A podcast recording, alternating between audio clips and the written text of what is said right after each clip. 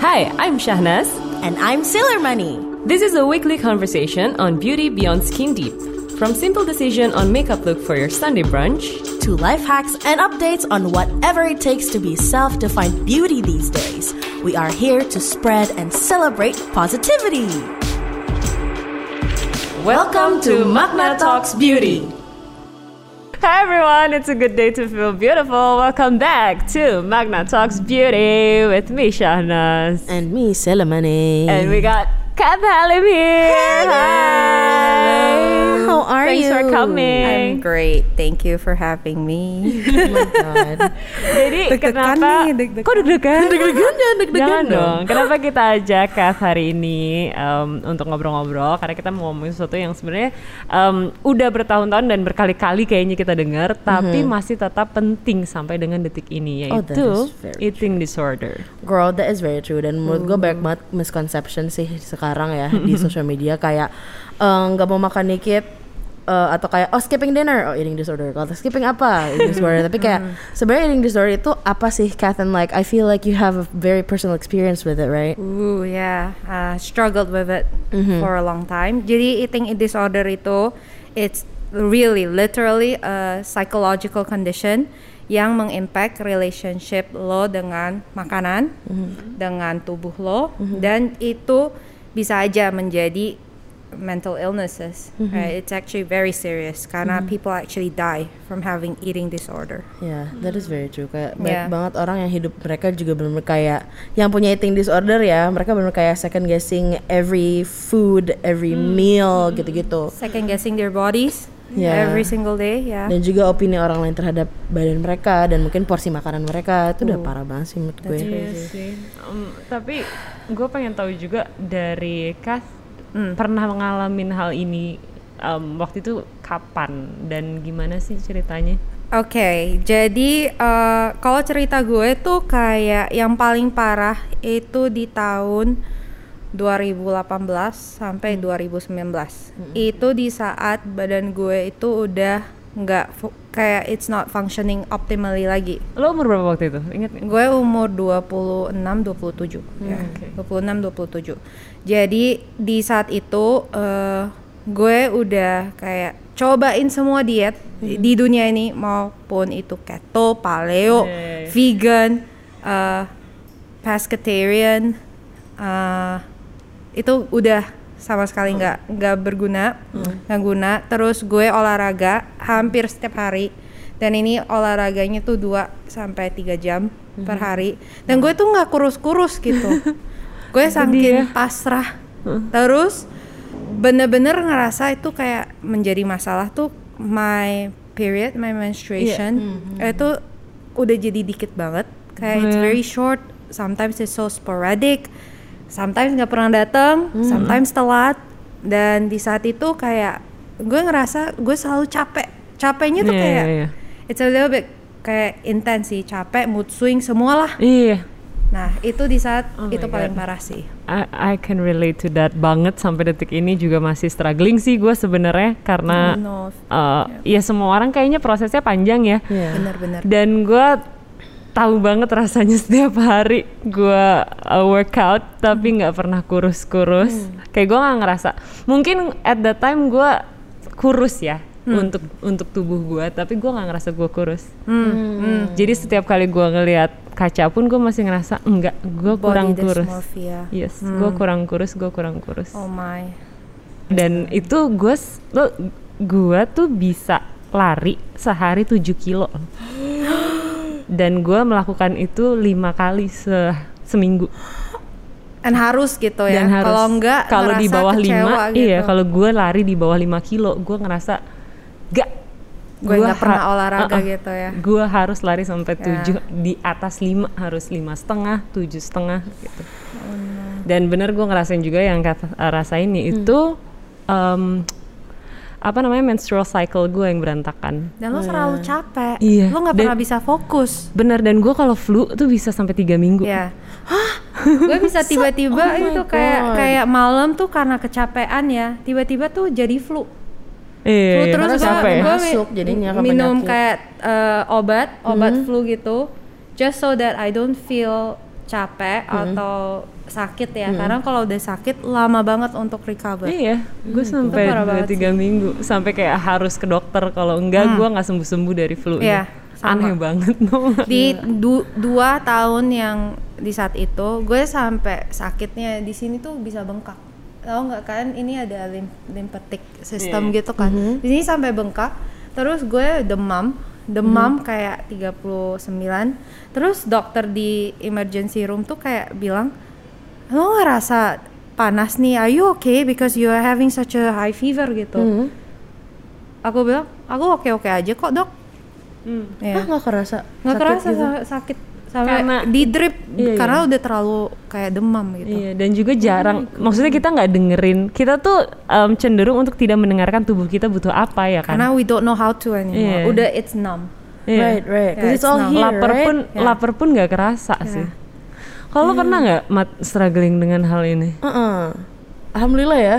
oh my god so much love, love. Gila sih, lo hebat banget sih. Gue ngerasanya uh, I had problem with food itu minuscule banget. Kayak misalnya, Hmm, duh gue makannya kebanyakan nih, I feel so guilty about having a full meal gitu. Um, atau misalnya kayak oh aduh malam ini gue makan mungkin besok gue nggak sarapan kali ya gitu. Hmm. Um, or dulu tuh gue juga pernah I was sick. Gue DBD, terus ternyata gue ada komplikasi di eh, liver gue, jadinya susah sembuh. Sembuhnya tuh susah gitu, trombositnya tuh naiknya susah. Terus gara-gara itu gue disuruh sama dokternya, oh kamu em, diet aja karena you have fatty liver, right? So you have to reduce your calorie intake. Oh my god gue ke bad advice. nutritionist nutritionistnya bilang oke kamu karena uh, masalahnya seperti ini dan mau turunnya cepat sa- kamu ka- saya kasih program um, makan 1000 kalori per hari. That sucks. Per hari kata orang ayam goreng McD itu udah 1000 kalori satunya do you know babies eat at least a minimum of 1200 Iya. calories? Babies. Ini kayak bayi ya bayi kecil Hah? ya segini ya. Iya, 1200 Se- ya. ya per hari atau per meal Per, per hari? per hari. berarti gue apa dong? Fetus? Ya you must be like an embryo. Gue gue zigot. Berarti kemarin gue zigot. Oh no. Three for three months gue zigot terus eh Shit. maksudnya for three months gue I I follow the diet dan sa- pada saat itu gue lebih yang kayak oke if I follow this I'll be healthy right? Tapi karena masa itu gue masih ngantor gue jadi nggak fokus sama Iya. sekali Pasti. kalau misalnya gue kerja nih makan siang gue langsung worry about my food. Kayak aduh ini cabenya kebanyakan minyak nggak ya? Oh ntar my jadi God. hitung jadi maksudnya ah, lebay banget. Padahal kayak Iya lo makan makan aja cuy. Ya tapi gue denger lo makan disuruh 1000 kalori berarti dulu gue gue parah banget sih. Gue parah banget sih. Gue pakai kalori counter dan gue harus di bawah 800 gue mikirnya. oh my god Ah, girl, you are a sperm. Masa you didn't even meet the egg yet? Like sperm don't even eat. Like oh my god. Tahu nggak? Kayak gue pernah set- pas eating disorder recovery kan. Jadi gue tuh eh, mulailah cari informasi un- untuk kayak increase my knowledge. In order to keep your body alive nih, kalau lo tidur ya, lo tidur terus hati lo lagi kayak deg deg deg Pumping. gitu, to breathe, to pump blood into all of your veins. You need at least 1,500 calories minimum. Wow. That's like resting. Kamu tidur nggak ngapa-ngapain seharian, itu at least 1,500. Dan itu juga varies for people like harus lihat gain, lihat muscle weight. Yeah. But if you're eating like 800 calories, which is half of 1,600, right? You're literally gonna die. like pernah di saat gue merasa gue paling sehat tuh, gue ambil darah dong. Karena nutritionist gue bilang lo kalau nggak percaya lo ambil darah. Gue bisa yakin banget darah like, blood results is gonna be terrible.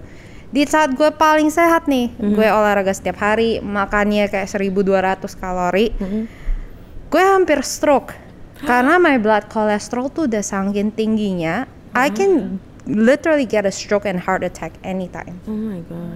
ya thyroid gue nggak berfungsi kayak the, my T3 thyroid tuh so low to a point it's gonna mess up my hormones Right.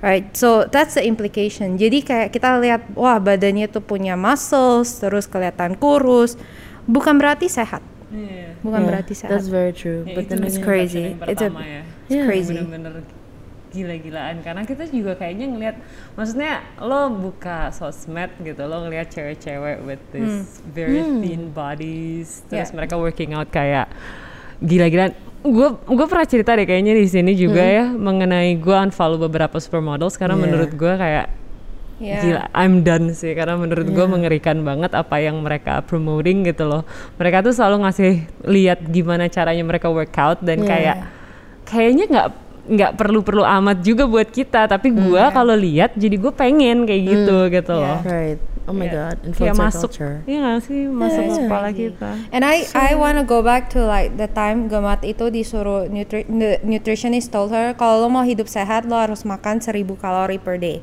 That is literally the worst advice a nutritionist can ever give you. Jujur, terus yang lebih parah lagi, we talked about BMI scale, right? Yeah. Jadi kayak BMI scale itu dipakai sama nut- apa this nutritionist clinic ini Yeah. untuk ngitung kayak oh your body fat tuh segini, masa kamu segini, lali lali. Dan kayak sejak gue tahu betapa apa ya misleadingnya BMI scale ini yang harusnya itu dipakai untuk mengukur populasi sekelompok populasi dan bukan satu orang dan even kayak sampel untuk membuat skala ini itu dari hanya white males itu udah misleading banget dan gue Yeah. kayak wow berarti gue harusnya nggak percaya dan actually invest money Yeah. in this nutritionist gitu Ada kata-kata yang kayak lumayan uh, sering didengerin ya, which is uh, modern health is actually very flawed. Apalagi dengan health, because health is not a look, right? Dan there is a, a big stigma. Kayak kita kalau misalnya nih kita nanya kita sendiri ya, if we look at a chubbier person, a person who is not skinny to or fit, right? Ya. Nih contohnya nih, Ya. lo pasti punya, aduh dia pasti nggak sehat, dia pasti lazy, dia pasti nggak effort, dia pasti makannya banyak. ya Which is that is the worst. Fat stigma Fat is stigma. so real. Fat phobia is so real. Iya. iya sih bahkan teman-teman gue yang makannya paling banyak tuh yang badan yang kecil-kecil. Eh iya jujur. Iya, banyak banget makannya biasanya. temen gue kayak literally segini bentukannya kalau makan padang bisa kayak dia makan lama banget tapi banyak. Satu meja habis sama doi. Parah semuanya dibabat habis. Makanya kayaknya kayaknya nggak bisa banget ya kita ngejudge sebenarnya dari oh dia agak gemuk berarti dia makannya banyak gitu. Iya. Or dia nggak Enggak. pernah olahraga. Karena sejujurnya kayak we always associate health into a look. Iya, Kita lihat orang yang punya ya. eight packs, six packs, kita asumsi mereka tuh adalah figur yang sehat. Mhm. Sebenarnya that's not true. Yeah. Right. When I was at my heaviest, Hmm. my blood my blood results itu paling sehat. Lebih sehat Hmm. daripada gue pas olahraga paling berat. Mhm. Olahraga paling berat eh, terus makanya paling dikit. Makanya paling Hmm. sehat, paling clean lah Iya. istilahnya. Hmm. Jadi I felt personally kayak pas gue paling gendut, gendut ya. itu Gendut malah gue lo juga iya, tapi kan? gendut menurut gue dan menurut BMI, menurut timbangan, malah gue paling sehat. Iya. So it's like wow, Iya, santai aja sih. Tapi kapan sih Kat lo mulai kayak ngerasa oke I need help gitu ketika ketika lo memang Oh, struggling ya. dengan eating disorder ini? Jadi pertama kali gue itu cari bantuan itu sebenarnya my friend, my friend is a nutritionist, a health coach gitu kan, dan dia belajar lah, dia punya knowledge. Dia bilang Kat, kayaknya your diet tuh and your way of fitness tuh udah spinning out of control deh. Karena kalau misalnya putting in so much effort, kok masih nggak kelihatan ya hasilnya sama sekali gitu. Kayaknya you need professional help. Terus gue dengan kayak pedenya gitu. Nggak percaya dulu. defensif dulu. Kayak ah apaan sih? Kayak ya udah deh gue cari deh. Gue ngobrol sama nutritionist sama fitness coach eh, yang menjadi kayak coach gue untuk repairing my relationship with my food my body. Tadinya gue ke dia itu cuma punya satu pertanyaan. How come gue masih nggak bisa kurus nih? Gue effortnya udah maksimal banget nih. Right, right, right. hari pertama dia itu unconventional banget ya. Dia nanya lo sebenarnya selama ini ngapain aja? Hmm. tell me about your lifestyle. Lo olahraga berapa banyak? Lo makan berapa banyak? Terus gue ceritain dong. Dan pertama kali dia bilang "Uh, honestly I think you're just under eating and overworking yourself. Hmm. jadi di saat itulah dia bilang lo nggak percaya gue ngomong apa kan? Lo cobain deh lo tes hasil darah. Lo tes darah lihat pas tes darahnya balik apakah lo bener sehat gue nggak percaya gitu ya udah gue tes terus pas results keluar wah kaget banget gue kayak oh my god like my life is all a lie Right, that's right. how I felt Di situ pas lo bener-bener kayak realize kalau damn this Hmm. healthy lifestyle quote unquote is not healthy for Bener. my body and my soul. Iya gitu dan ya. coach ini untungnya dia tuh tipe orang yang kayak sabar banget ya. Dia bilang Hmm. ke gue, lo nggak bisa hidup kayak gini kat. Kayak lo mau sel- seberapa lama lo masih mau kayak nggak bisa makan yang apa lo mau. Lo nggak bisa keluar lo sama teman-teman lo. Iya, sama keluarga enjoy. aja lo nggak bisa makan because food is a social activity kan. Iya, apalagi kita orang Indo ya. Iya, kalau kita orang kalau lo nggak bisa punya that food freedom itu satu. Lo mau hidup kayak gini berapa lama lagi? Kalau lo mau hidup kayak gini ya udah nggak apa-apa lo jangan cari gue gitu. Di saat itu dia bilang, gue akan ngebantu lo untuk mulai makan. Mulai kayak kita harus fix your relationship with your food, your body. Kita harus damai dulu dengan itu. Dan di saat itu gue kan takut banget gendut ya. Gue udah gue pertama kali diet tuh umur 13. Umur 13 14. Gue minum re- meal replacement young. diet. Oh my god, 13 Iya, tahun. 13 tahun. Dan dia bilang, "Lo mau berapa lama? Sekarang lo umur 27 eh 26 27 at that time." Dia bilang, "Lo udah 10-an tahun kayak gitu, lo masih mau hidup kayak gitu." Terus gue kayak mikir, gue nggak mau sih, gue capek banget kayak gue capek banget harus setiap hari mikir, "Oh my god, gue kapan kurus ya, kapan kurus." Gue literally tidur tuh kayak mungkin besoknya gue kurus kali ya. mungkin besoknya gue bisa nggak nggak binge eating lagi kali Iya ya. sih. Dulu gue suka mikir "Ah, kalau nyamuk bisa nyedot lemak lebih enak kali ya daripada nyedot darah Iya, gitu kan. Betul. gue setiap hari tidur pikiran itu gue setiap bangun pikiran itu throughout the day gue kayak mikir oh my god gue capek banget gendut iya, gue capek banget Oh my olahraga God, capek banget nggak bisa makan. Nggak enjoy sama sekali sih. gue kayak hidupnya tuh tahu nggak kalau kita punya brain kapasitas otak kita kan 100% gue 100% tuh benar-benar dipakai kayak untuk mikir body tubuh gue itu kayak looks like what gue makan apa kapan gue kurus. Literally that. Damn. mana ada energi untuk kerjain Iya. yang lain. Bener.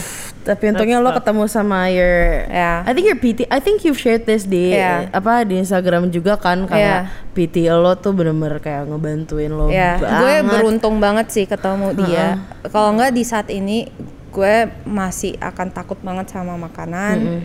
Gue akan takut banget dengan kayak lihat cermin gitu. Takut banget keluar ketemu teman. Takut banget mu kok dulu kopi aja dihitung kalorinya. Iya sih gue Astaga, juga. Eh, kopi kopi aja dihitung Iya. kalorinya Gue juga gue masukin permen. kalori counter. ya kan makan Iya. permen oh ini permen kayak Iya. apa gitu Kalau misalnya lo dari umur 13 tahun lo SMP jajan apa di kantin sekolah? Yang Gue pasti itu bukan makaroni yo-yo pedes. diet. Jadi lo Gue makan itu- apa? gue itu sejak umur 13 gue itu selalu fase yo-yo diet Oh, gue gendut kurus terus lagi. gue ekstrim diet kurus lagi gue gendut lagi ya udah ekstrim diet Kasihan ya padahal tubuh lo selama lagi sebenarnya lagi, lagi butuh banyak nutrisi Iya. buat growing up. di gitu. umur Iya, 14 remaja. aja gue udah kalau ingat-ingat ya karena eh, recovery itu kan lo banyak ngeliat masa lalu ya kenapa lo bisa punya unhealthy relationship dengan tubuh lo dengan makanan gue sampai kayak setelah gue bener kayak pinpoint ya gue di umur 15 aja gue udah hilang mens gue udah kayak it's very little. Throughout the years gue Oh nggak my pernah God. sadar tuh bahwa Menstrual uh, cycle. my menstrual cycle has always been erratic. Nah, ya. sebenarnya itu sih kas waktu gue gue tuh bener-bener ngubah gaya hidup gue waktu gue program hamil. Karena ketika itu gue tahu kalau gue tidak sehat. Karena Yeah. menstrual cycle gue jelek akibat um, over dieting jadi banyak telur gue yang ternyata nggak sehat. Dan dan dokter gue tuh cuma bilang saat itu sebenarnya yang emang harus dibenerin adalah diet dan um, the way you work out. Karena gue nggak boleh tuh sebenarnya workout satu jam sampai dua jam tuh sangat tidak disarankan sama dia. Karena dia suka, dia bilangnya tuh lo mau jadi atlet atau mau jadi apa? Gitu. Lo mau ngapain? Lo cuma jadi manusia biasa kan? Dia nyuruh gue berhenti gue cuma boleh 20 menit sampai 30 menit sehari. Iya. dan waktu pertama gue lakukan tuh gue sebel banget karena gue sama sekali belum capek tapi gue Iya, udah harus iya. berhenti Iya, iya, iya. cuma kan costnya waktu itu kan karena gue pengen punya bayi Iya, kan iya. terus gue harus kayak ya udah gitu ternyata memang pas gue inget-inget pas gue dieting itu menstrual cycle gue emang jelek banget Iya, gue cuma iya. dapet tuh tiga hari max Wow. gue cuma satu hari kadang atau enggak deh sama sekali nggak datang terus Ngeri kan? di saat itu ya gue masih inget loh gue tuh sedih banget nggak bisa olahraga pas gue lagi recovery kan gue sama sekali harus bener-bener kayak resting my body. Gue harus bener ubah pikiran gue bahwa gue perlu workout gue perlu kayak go out there and like Yeah. kill myself gitu. Terus nggak boleh olahraga kan. Terus gue lihat ya? adik gue olahraga gue nangis loh. Gue sang gue nangis karena sangkin kayak oh my god this I could go workout I could go workout. Gue anxiety banget parah. Gila ya gue sang gue pernah rekam diri sendiri kayak nangis terus sekarang kan gue udah recover dong gue balik lagi lihat that video gue kayak oh my god gila gue tuh bener not in the right place banget Iya. Yeah. And like you've come so far. yeah, I've come so far We're proud of you thank you We're so proud of you.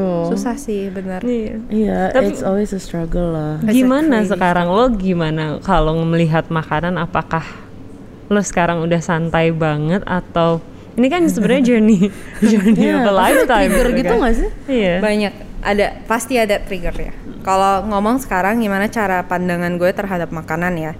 Makanan already I've made peace with it. Jadi nggak ada yang kayak dulu kayak oh my god gue harus makan sehat gue harus makan sehat. Ini makanan terlalu banyak karbo terlalu banyak apa gitu gorengan gitu. Sekarang gue udah bisa accept and I allow myself to eat. Mm-mm. Itu jujur life changing banget. Terus trigger ada trigger atau enggak? Sekarang yang paling triggering adalah yang yang di sosmed gitu. Di sosmed everybody is like a nutritionist. I don't know why. Everybody, everybody is, is a a fitness specialist is but not everybody is. Yang paling triggering itu kalau misalnya lihat accounts sosmed tuh yang they're not professionals, they're not in the right mind Yeah. or the right place, tapi right giving knowledge, health but giving health ya. advice itu paling bete Iya, sih. benar. Just because, just because you look, Look you're skinny, You you, a lot of people tell you your body is very nice. Does not mean it gives you the right to give people advice. Betul sih dan kayak Never. Gue tapi menurut gue juga kayak orang-orang seperti itu ke trigger sama netizen karena kayak kak share dong tips ini kak ini bagus banget body goals Body gitu ya. goals, Kakak- ya. kakak hashtag body goals share dong eh, dietnya makannya apa gitu-gitu teman gue literally yang model dia yang kayak badan orang beda-bedain makanan gue lo kalau misalnya mau bikin makanan sendiri ya lo cari tahu dia bilang kayak gitu karena dia sebel ditanyain I gitu love your friend. She, we should have more like that, you know. love We banget should have more like that. Bener Iya, sih, it's tapi cute. at the end um, kalau gua sih saat ini juga masih suka struggling dengan dengan keadaan gue ya. Nggak setiap saat gua ngerasa gua ada di tempat yang baik, Hmm. tapi gua mencoba untuk selalu mengingatkan lagi. Maksudnya lo kadang pengen nih, gue pengen nih kaki gua lebih panjang gitu, tapi lo ingetin lagi pakai egrang enggak sih gitu. mungkin mungkin gue bukan Jenny dari Blackpink ya, jadi gue nggak bakal kakinya sepanjang itu gitu. Maksudnya lo yang emang harus terus-terusan ngingetin diri lo kalau no, um, lo baik-baik aja kok gitu. that is very That true is true. That is true. Hmm, gue juga punya satu pesan sih sebenarnya. I feel like eating disorder is a really really serious problem. Jadi kayak please jangan kayak main ngata-ngatain orang. eh lo kurus banget, kalau makannya dikit, kalau makannya banyak banget gitu. It's very sensitive. And also if you ever have like body image problems as we all do, mau umur lo berapapun, mau gender lo apa pun, mau keadaan lo kayak apa pun pasti ada aja. I think this is really worth to remember that your body helps you live every day. Yep. Be kind to it. Kayak kalau kalau lu luka dia nyo- nyoba untuk nyembuhin. Kalau misalnya lo capek dia bilangin lo oh stretching kali ya. Lo kasih olahraga dikit lo apa dapat endorfin gitu. Jadi please be kind to your body. Iya. Iya. Kat ada pesan um, eating disorders are real. Mm-hmm. Uh, yeah, uh, eating disorders are real dan everybody's feelings are valid. Mm-hmm. Menurutku yang benar-benar help me to really come out of and recover from a disorder tuh is knowledge. Gue yeah. sekarang tuh knowledge itu nggak nggak pelit lah orang-orang kayak know who to follow on social media Yeah, like you penting. said siapa yang kayak doesn't serve you like it's boundaries right there's a thing on digital called Yeah. boundaries you it's called blocking people deleting people nggak ada Yeah. salahnya Muting, hiding, Muting, blocking, hiding, unfollowing, you know, everything. Bener. And I think yang paling penting kita tuh harus re-educate ourselves, right? Re-educate ourselves and diversify what you see on social media. Iya. Because that's it true. becomes your diet juga kan. Iya iya iya iya. Cara hidup lo kayak harus like gini, kalau kita banyak orang tuh fat phobic ya. Yeah. Sadly. But how do you overcome f- fat phobia? Is to expose yourself to the thing all the time gitu. Yeah. So I follow diverse people. I follow people like Gamat. I follow people who are who are just normal human Yeah, beings and normal I human remind being. myself that real life itu nggak juga di social media gitu. Iya iya No. iya. iya. Yeah, social media is like it's a site that we all want you to see. Dunia Yeah. tipu-tipu ya, babes. We're- Ada orang bisa posting ya IG story itu kayak oke gue lagi olahraga. Mungkin orang ini sebenarnya nggak olahraga Iya, dia cuma lima foto menit aja, gitu. ya. Bener Kayak sih. iya, baju baru aku baru belanja dari Peep Station. Yeah. Iya, iya, iya, iya. So I think be be really careful with the media that you consume. Iya. Uh, dan uh, love yourself kayak penting banget. Like Hmm, Wagamat say itu kayak it, it's a skill. Jadi nggak nggak overnight juga tiba-tiba lo bisa accept atau cinta diri sendiri ya. Yeah. Jadi everything is a process Yeah. and Yes. Always keep learning. Yeah, always Keep learning, keep girls and Yeah. boys and everything in Kurang-kurangin lah liatin Kendall Jenner ya. Iya, kurang-kurangin. lama-lama ya. Iya. Dan oh ya, sekali lagi satu lagi tuh gue juga sangat sering ngingetin em, siapa pun gitu ya, suami gue, siapa pun gitu. Jangan uh, basa-basi lagi soal soal appearance orang sih. Eh lu lagi gemukan ya, lu lagi kurusan ya gitu. Iya. Bisa Oh. jadi menurut kita itu Ya, adalah pintu ya. masuk untuk conversation, tapi bisa jadi itu malah triggering dia untuk sakit hati. Gue ada cerita tuh yang tuh. Contohnya nih, orang tuh bisa kurus banget karena dia punya kanker. Nah. And this is a true story. Someone commented on a friend. Dia bilang, "Oh my god, you're so skinny now. You look so great." And then the person, my friend reacted, "I have cancer." Aduh, Like- itu bener-bener gondrong banget. But the thing is, this is why it's never okay to Yeah. to judge never somebody okay. with their appearance. Iya, lain kali makanya bilang ke tante-tante sebelum mereka tunjuk-tunjuk, Yeah. "Heh, heh, heh." Gitu. Yeah. Mau apa? gitu ya. Mau apa Anda? Mendingan kalau misal ke acara keluarga bawa Ines aja deh. Iya. gitu. Bawa Ines deh. I'll be your Doberman.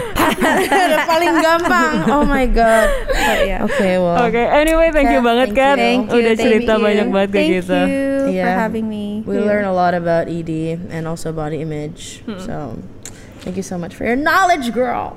Thank you. And as always, thank you guys for listening and watching Magna Talks Beauty of this episode. Don't forget to like, comment, and subscribe to Magna Talks and also wait for other episodes minggu depan yang gak kalah seru pastinya. Bye-bye. Hi, I'm Shahnaz. And I'm Sailor Money. This is a weekly conversation on beauty beyond skin deep. From simple decision on makeup look for your Sunday brunch To life hacks and updates on whatever it takes to be self defined beauty these days. We are here to spread and celebrate positivity. Welcome to Magna Talks Beauty.